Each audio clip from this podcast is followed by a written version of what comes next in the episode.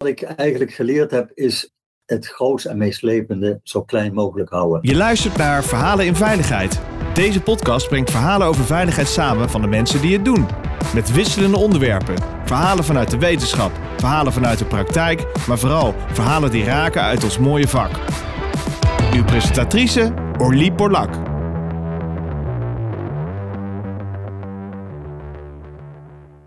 Welkom luisteraars, het is tijd voor een uh, mooie podcast. Ik heb in de studio zitten Robert Ten. Hij is management consultant en teamcoach bij Apollo 13 en zit al meer dan 30 jaar in het vak. Ik ken Robert ook van de Safety Culture Ladder, waar wij allebei als kennispartner deel aan nemen. En ik ben echt zo benieuwd naar al jouw ervaringen. 30 jaar, waarvan 20 advies over veiligheidsculturen bedrijven op weg helpen, management op weg helpen, mensen op weg helpen, kun je ons een heel klein kijkje geven. In ieder geval hartelijk welkom. Ik heb er helemaal zin in en ik zit er klaar voor om mee op reis genomen te worden. Geef ons eens een kijkje in jouw wereld en wat jij zo al de afgelopen twintig jaar voorbij ziet komen en meemaakt. Ja, dankjewel. Wel hartstikke leuk om samen te reflecteren op dit onderwerp. Wij richten ons op cultuur, gedrag en organisatie. Met name op betrouwbaar organiseren en daarbinnen op het versterken van veiligheidscultuur. Laat ik zeggen, vanuit die ervaringen zal ik met name dingen vertellen. Het eerste wat ik eigenlijk geleerd heb is het grootste en meeslepende zo klein mogelijk houden. Als je het hebt over cultuurgedrag en cultuurverandering. Vaak zie je dat er heel ambitieus allerlei trajecten worden opgezet. En vervolgens verdampt dat in de ambitie. Groot en meeslepend, maar dat vind ik niks plaats. Een heel mooi voorbeeld vind ik een traject waarin de resultaatverantwoordelijke teams werden geïntroduceerd. En met je grootste plannen, en dat was de omgeving van consultatiebureaus, dus voor kleine baby's. Daar werd gezegd, we moeten resultaatverantwoordelijke teams organiseren. Maar toen we gingen praten met de mensen daar, toen bleek ze, ja, dat is allemaal mooi, we hebben een aantal van mijn hier gezien. Maar weet je, zorg eerst dat die luxeflexie gerepareerd wordt. Die kinderen liggen hier in de zon. Dat speelt al een jaar en dat, dat verandert alsmaar niet. Of zorg dat de koffiezetapparaat werkt en dat we hier fatsoenlijk kapstok hebben waar we onze jas aan kunnen ophangen. Kleine dingetjes die verandering belemmerden.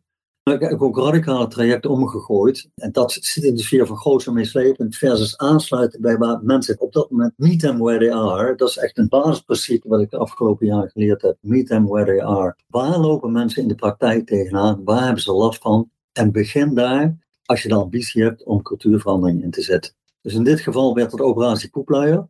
Maar we eerst zorgen dat we al dit soort dingen goed op de rails hebben. Luxeflex werden gerepareerd, er kwam een koffiezetapparaat, er kwam een kapstok, maar al die dingen.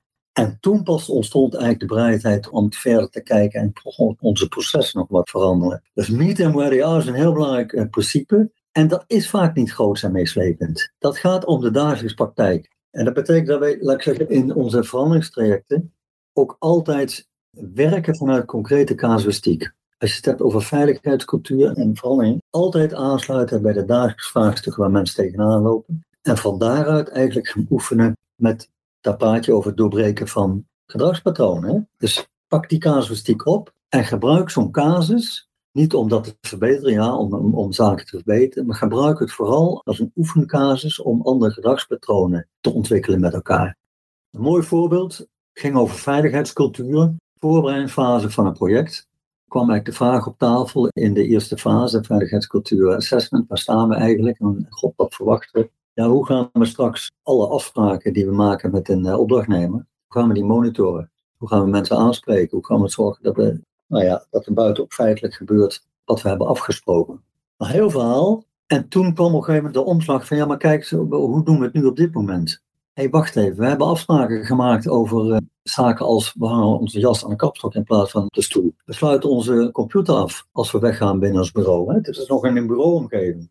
We hebben afgesproken dat we geen tassen laten staan uh, naast het bureau waar je over kan struikelen. Allemaal afspraken. A, spreken we elkaar daarop aan. B, vinden we het zo belangrijk dat gedrag ook zelf gaan vertonen. En C, hoe sturen we eigenlijk beide op als het er niet uitkomt? Dus dat was een hele concrete kaart van we gezegd hebben, hey, maar dat is een mooie kaas om met elkaar te gaan oefenen. Elkaar helpen herinneren aan de afspraken, patronen doorbreken, dysfunctionele patronen doorbreken. En van daaruit eigenlijk oefenen met gedrag, wat je straks ook heel goed kan gebruiken in, uh, in die buitenwereld. Dus een van de belangrijkste dingen die ik geleerd heb, is sluit aan bij hele concrete casuïstiek. Dus één. Sluit aan bij waar mensen tegenaan lopen. Bijvoorbeeld poepluieractie. En accepteer dat het oefenen is. Ik heb ooit eens een keer Edu Veldman, dat is een van de goeroes uit nou ja, de afgelopen jaren, horen zeggen van als adviseur. En misschien is dat wel het derde leerpunt. als ik te veel praat, moet je me stoppen hoor. Maar ik bedoel het Ja, ik ben luisteren, ik ben het genieten ook. Oké, okay, de kop van alles op. Ede Veldman die zei, dat is denk ik het derde wat ik geleerd heb. Je kunt je suf adviseren als, als adviseur. Je bent van buiten komen. Maar of het kwartje valt, of er verandering plaatsvindt, daar heb je helemaal niks over te zeggen. Dat is eigenlijk puur toeval, contextgebonden. Soms is een interventie valt precies op het goede moment en valt het kwartje en ben je in staat om een context te creëren waarin er beweging ontstaat. En soms wil je een dood paard en dan heb je dat niet in de gaten, want er is enthousiasme en zo, maar dat verandert eigenlijk niks. Dus ik noem dat bescheidenheid als externe adviseur. Want dat is natuurlijk mijn rol geweest in veranderingssterkte. Bescheidenheid in, laat ik zeggen, het effect wat je actief, proactief kunt bewerkstelligen. Dat is vaak van zoveel factoren afhankelijk. Wat je maximaal kan doen is een context creëren waarin, eh, laat ik zeggen, optimaal beweging kan ontstaan. En als je dat dan vervolgens ziet van, hé, hey, mensen zijn enthousiast, er ontstaat beweging in, eh, in een organisatie, dan vertrekt de manager die daarin voorop liep, enthousiast was, gecommitteerd, intrinsieke motivatie had. En dan kun je eigenlijk als organisatie op dat moment weer opnieuw beginnen. Dus dat is, laat ik zeggen, het derde wat ik geleerd heb. Bescheidenheid en tegelijkertijd denk ik dat je als externe ogen en oren wel degelijk impact kunt hebben op verruimen van perspectieven, kunt faciliteren bij organisaties, bij teams, bij mensen. En je hebt het ook over dysfunctionele gedragingen, dat je die wil doorbreken. Ja. Wat zijn zo al de gedragingen die jij als dysfunctioneel bent tegengekomen? Wat moeten we daar ons bij voorstellen? Kun je daar wat voorbeelden van noemen? Nou, op de eerste plaats, en dat klinkt wat raar, is elk gedrag functioneel. En wat bedoel ik daarmee? Elk gedrag is volstrekt logisch in organisaties. Want de aanname is ook als adviseur, maar ik denk dat het ook goed is in, in als je het hebt over organisatie als veranderkundige, is als, als je in een organisatie rondloopt, je hebt de opdracht gekregen om een veranderingstraject wat dan ook in te zetten. Basismindset die je daarbij heel hard nodig hebt, is elk gedrag is volstrekt logisch. Als ik die persoon was, ik hou het even individueel, in die context, in die situatie, met die ongeschreven regels, met die achtergrond, met die kennis, met die informatie, met die gewoontes, met die afspraken die je hebt gemaakt, zou ik precies hetzelfde gedrag vertonen. Niemand gaat s ochtends naar zijn werk om even lekker de boel te verstieren of verkeerde gedachten te tonen. Dus de mindset, daar begint hij mee. Elk gedrag is functioneel in de zin van elk gedrag is logisch. En dan wordt hij heel leuk, denk ik, als je kijkt naar cultuur- en gedragverandering. Want dan haal je het vaak weg en dat is natuurlijk valkuil wat je vaak ziet. Ja, ze willen niet. Of ze moeten echt anders, ze moeten echt, het is altijd ze, hè? Mhm. Ze moeten echt anders gedragen, zich gaan gedragen. Of we moeten met z'n allen moeten we andere dingen gaan doen. Maar als je die mindset hebt van elke dag is volstrekt logisch, dan haal je het weg bij het individu. En dan kom je dus bij de vraag van welke context hebben wij met elkaar gecreëerd waardoor dit gedrag volstrekt logisch is. Dus dan maak je het een collectief vraag. Wij hebben kennelijk met elkaar een bepaalde context gecreëerd waarin dat gedrag logisch is. Dan haal je het weg bij de mensen, want als die mensen thuiskomen of bij een vriendenclub, wordt er volstrekt ander gedrag vertoond. Dus gedrag is contextafhankelijk en ga daar naar kijken. En dan haal je het ook weg, wordt het een blame-free blik eigenlijk van oké, okay, hey, dus kennelijk volstrekt logisch, wat hebben wij gecreëerd? Nou, dan kom je dus bij de vraag, en wat is dan dysfunctioneel? Want dat was jouw vraag, hè? Ja. Wat is dan dysfunctioneel gedrag? Dat is natuurlijk niet, kijk, vanuit HBO-perspectief is dat niet eenduidig te beantwoorden. Ook dat is weer contextafhankelijk. Is directief leiderschap dysfunctioneel gedrag? Ik wil dat het zo en zo gebeurt en dat we die kant op gaan.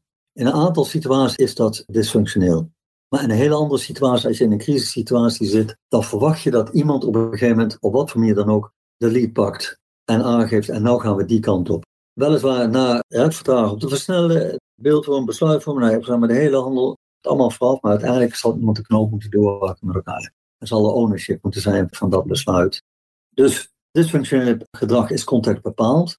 Ik probeer niet onderuit te komen bij het antwoord, want je kunt wel degelijk een aantal voorbeelden geven. Kijk, wat ik eerder zei, dat is denk ik een hele belangrijke, is het wegorganiseren van een bepaalde verantwoordelijkheid. Dus het management zegt van, we willen naar proactieve veiligheidscultuur, veiligheidsafdeling of programmamanager veiligheid, kun jij dat voor ons organiseren. En als je vragen hebt, dat je komt bij ons, steunen jou, dan wil jij het organiseren. Daarmee bouw je al een weeffout in eigenlijk. En het zit in taal, hè? het zit echt in taal. En de weeffout die je inbouwt, is dat je het wegorganiseert bij iemand. En in het begin is dat nog bij externe, want we hebben geen interne. Nou, dat, vervolgens kan dat een programmamanager zijn die je intern benoemd hebt, maar je organiseert nog steeds weg. En De uitdaging zit in het creëren bij veranderingstrek in het algemeen, om het eigenaarschap daarvan, het collectieve eigenaarschap, allereerst te beleggen bij het management. Jullie zijn daarvan, leidinggevende, maar vooral ook collectief eigenaarschap creëren in de uitvoering, gewoon op de werkvloer.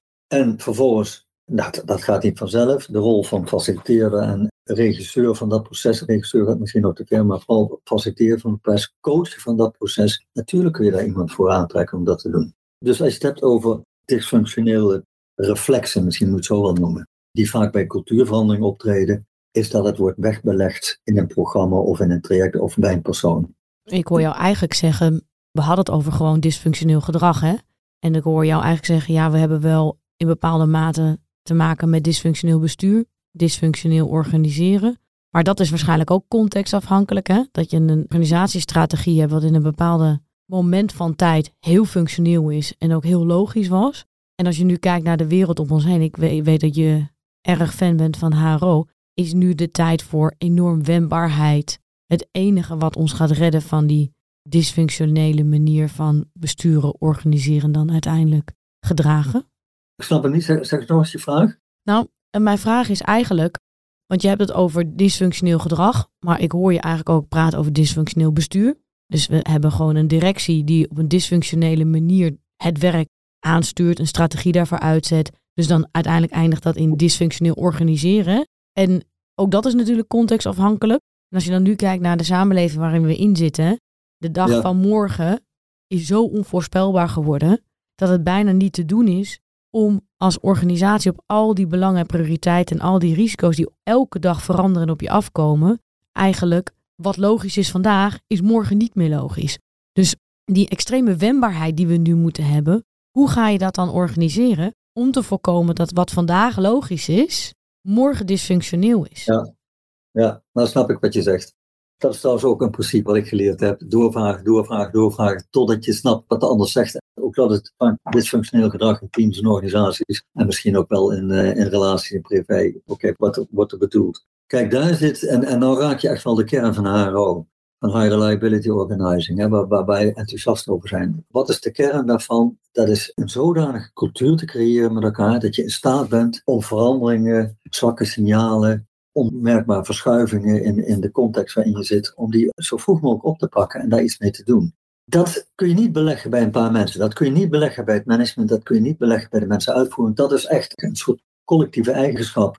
En het is verbonden aan collectief eigenaarschap. Dus hey, wij zijn allemaal in deze organisatie, voelen wij ons de ogen en oren van de organisatie om dit soort signalen van buitenaf op te pakken. Dus dan kom je op het vraagstuk van hoe creëer ik een cultuur want daar vraag je naar, de VUCA-wereld om ons heen, complex, vooral voortdurend. Hoe creëer ik een cultuur waarin je eigenlijk scherp bent op dat soort veranderingen en ook in staat bent, en dan heb je het over de kwaliteit van het gesprek erover, en eigenlijk gewend bent om daarover het gesprek te voeren met elkaar. Kijk, een brugwachter, die zit de hele dag op zijn plek, bedient de brug, maar die ziet en hoort ontzettend veel. Van de gebruikers, van de aannemer die daar reparaties komt verrichten.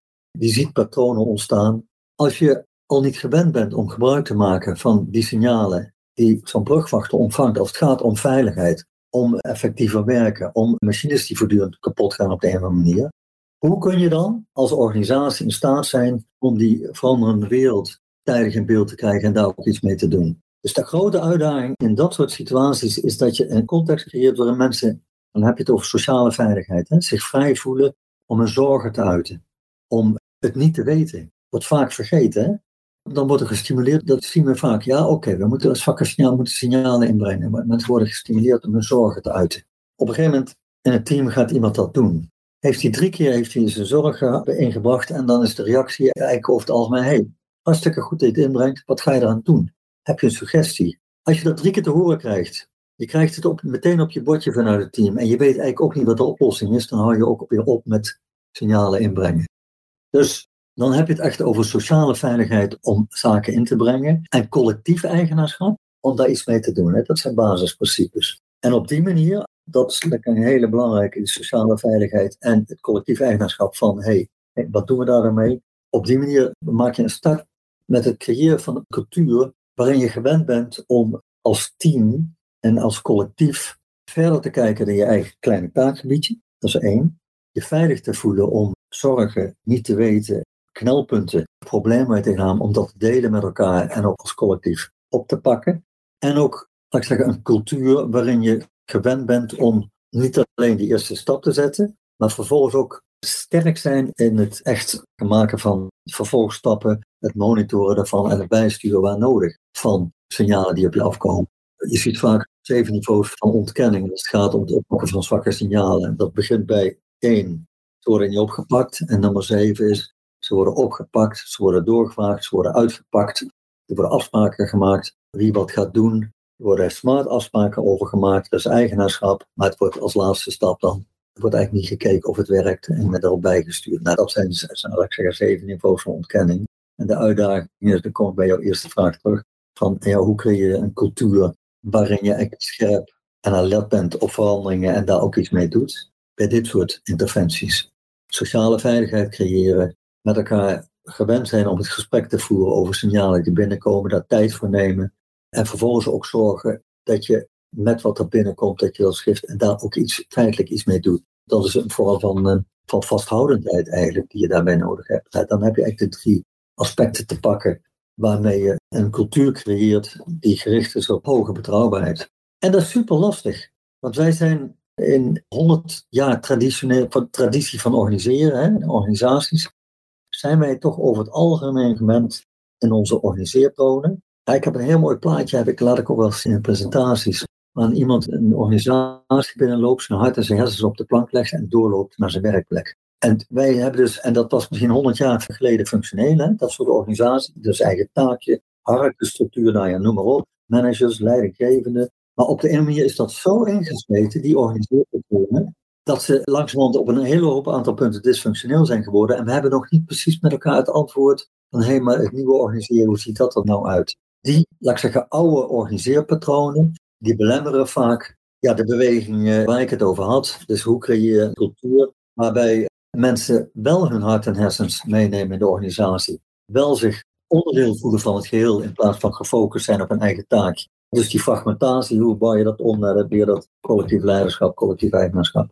Super interessant, maar een enorme uitdaging. Betekent dat je oude reflexen, en zowel bij managers als bij medewerkers, een mindset die vanuit de historie kijkt naar organisaties en naar organiseren en naar leiding geven en naar medewerker zijn, hoe je daar een kleine stap in kan maken. Ja, het is superboeiend, enorme uitdaging. Mooi dat je dit aan ons hebt ja, laten zien. Het zet ook aan het denken. Hè? Wat vandaag uh, functioneel is, kan morgen dysfunctioneel zijn. Je hebt een handreiking gedaan van joh, hoe ga je daar nou mee om? Hè? Kan je daarop anticiperen? Wat heb je daarvoor nodig? Ik hoor naast eigenaarschap ook vooral ja, rolfluiditeit. Hè? Je bent verantwoordelijk voor al die taken in de organisatie en verdeel dat over je team.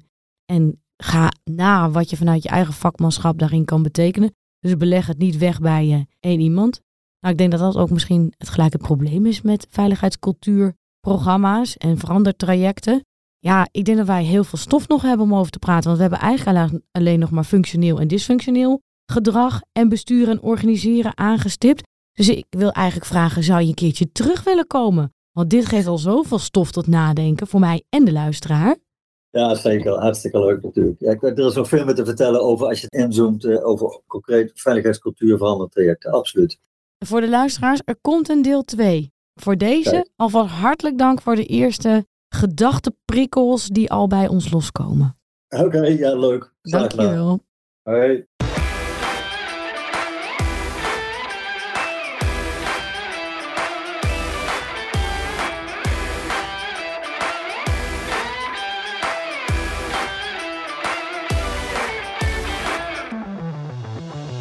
Je luisterde naar Verhalen in Veiligheid. Wil je niks missen van deze podcast? Abonneer je dan op deze podcast in je favoriete podcastplatform.